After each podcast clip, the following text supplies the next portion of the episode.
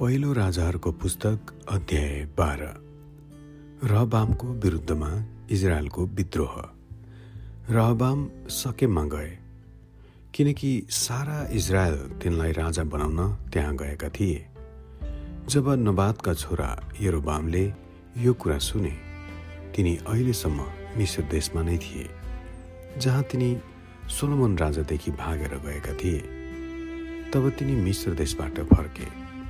यसकारण मानिसहरूले एरोबामलाई बोलाइ पठाए र तिनी र इजरायलका जम्मै समुदाय रहबाहम कहाँ गएर तिनलाई भने तपाईँका पिताले हामीलाई गरौँ जुवा बोकाइदिनु भएको थियो तर उहाँले हामीमाथि लगाउनु भएको यो कठोर परिश्रम र गरौँ जुवालाई तपाईँले हल्लुङ्गो गरिदिनुहोस् र हामी तपाईँको सेवा गर्नेछौँ।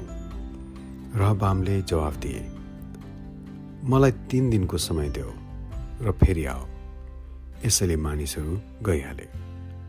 तब राजा रहबामले तिनका पिता सोलोमन जीवित छँदा तिनका सेवा गर्ने धर्मगुरुहरूसित सल्लाह मागे। तिनले सोधे यी मानिसहरूलाई मैले कस्तो जवाब दिनुपर्ने हो? तिनीहरूले भने यदि आज हजुर यी मानिसहरूका सेवक भएर तिनीहरूको सेवा गर्नुहुन्छ र अहिले तिनीहरूको चाहेको जवाफ हजुरले तिनीहरूलाई दिनुहुन्छ भने तिनीहरू सधैँ हजुरका सेवकहरू हुनेछन्। तर ती धर्मगुरुहरूले दिएको सल्लाह तिनले इन्कार गरे र तिनले आफूसँग बढेका र तिनको सेवा गर्ने जवान मानिसहरूको सल्लाह लिए। तिनले तिनीहरूलाई सोधे तिमीहरूको सल्लाह के छ?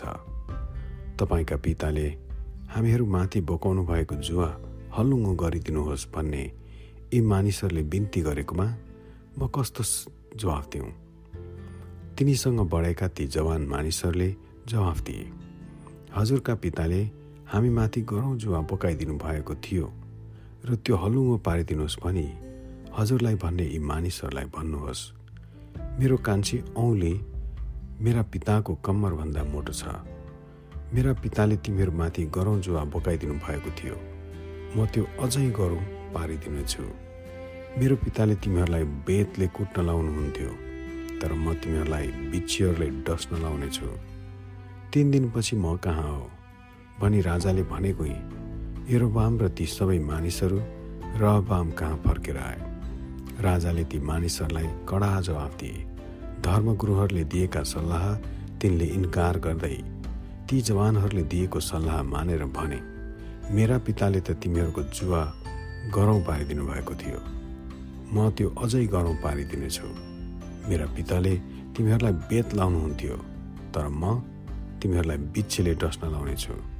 यसरी राजाले ती मानिसहरूको कुरा सुनेनन्। किनकि सिलोका यहाँद्वारा नबादका छोरा यारोबामलाई उहाँले भन्नुभएको वचन पुरा हुनलाई परमप्रभुले यस्तो स्थिति ल्याउनु भएको थियो। तब राजाले तिनीहरूका कुरा सुनेनन्। सारा इजरायलले देखे तर तिनीहरूले राजालाई जवाफ दिए दाउदमा हाम्रो के हिस्सा छ र इसाईका छोरामा हाम्रो के भाग छ र? के इजरायली हो? आ आफ्नो पालमा जाओ। हे दाउद तिमी आफ्नै घर सम्हाल। यसै कारण इजरायलीहरू आ आफ्नो घर लागे तर यहुदाका सहरहरूमा बस्ने इजरायलीहरूमाथि रहबामले अझै शासन गरे। राजा रहबामले बेगार काममा लाउने मानिसहरूका जिम्मेवाल अदोनी रामलाई पठाए तर सबै इजरायलीहरूले तिनलाई ढुङ्गाले हानेर मारे। तापनि राजा रहबाम चाहिँ आफ्नो रथमा चढेर एरुसलेममा भागेर जान सफल भए अनि आजको दिनसम्म दाउदका घरानाको विरुद्धमा इजरायल बागी भएको छ। जब एरोबाम फर्केर आएका छन् भने सबै इजरायलीहरूले सुने तब तिनीहरूले मानिसहरू पठाएर तिनलाई सभामा बोलाए र सारा इजरायलमाथि तिनलाई राजा तुल्याए। यहुदाको कुल मात्र दाउदका घरनाको राजभक्त रह। जब रहबाम एरुसलममा आइपुगे तब सोलमनका छोरा रहबामको निम्ति राज्य फिर्ता लिन इजरायलका घरानाको विरुद्धमा लडाइँ गर्न यहुदा र बेन्यामिनका कुलका एक लाख अस्सी हजार योद्धाहरूलाई तिनले भेला गराए। तर परमेश्वरका जन समायाहरू। कहाँ? परमेश्वरको यो वचन आयो। सोलमनको छोरो यहुदाको राजा रहबामलाई र यहुदा र बेन्यामिनका सारा घराना र बाँकी मानिसहरूलाई भन। परमप्रभु यसो भन्नुहुन्छ तिमीहरू आफ्ना दाजुभाइ इजरायलको विरुद्धमा युद्ध गर्न उक्लेर नजाओ। तिमीहरू हरेक आफ्नो घर फर्केर जाओ किनकि यो काम मैले गरेको हो। यसैले परमप्रभुले तिनीहरूलाई हुकुम गर्नुभए चाहिँ तिनीहरूले परमप्रभुको वचन पालन गरेर तिनीहरू आफ्नो घर गए। बेथेल र दानमा सुनका बादशाह। त्यसपछि यारबामले एफ्राइमको पहाडी देशमा भएको सकेमलाई किल्ला बनाएर सुरक्षित पारे र त्यही नै बसोबास गरे। त्यहाँबाट गएर तिनले पनियल सहर निर्माण गरे। यारबामले आफ्नो मनमा यस्तो विचार गरे। यो राज्य दाउदको घरानादेखितिर फर्किजान्छ होला।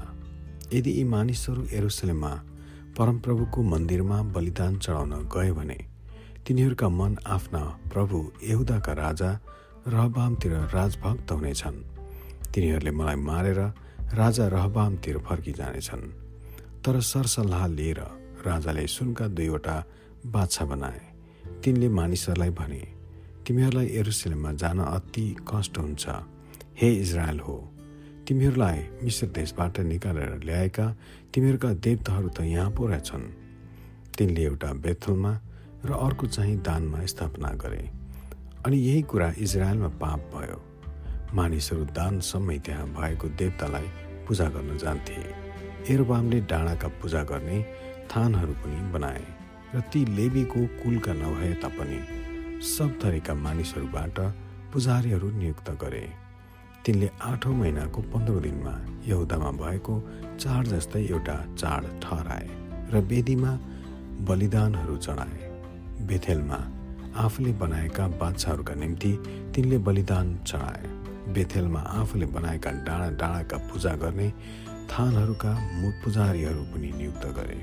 आठौँ महिनाको पन्ध्रौँ दिनमा तिनी आफैले तोकेको महिनामा बेथेलमा आफूले निर्माण गरेको वेदीमा तिनले बलिदान चढाए।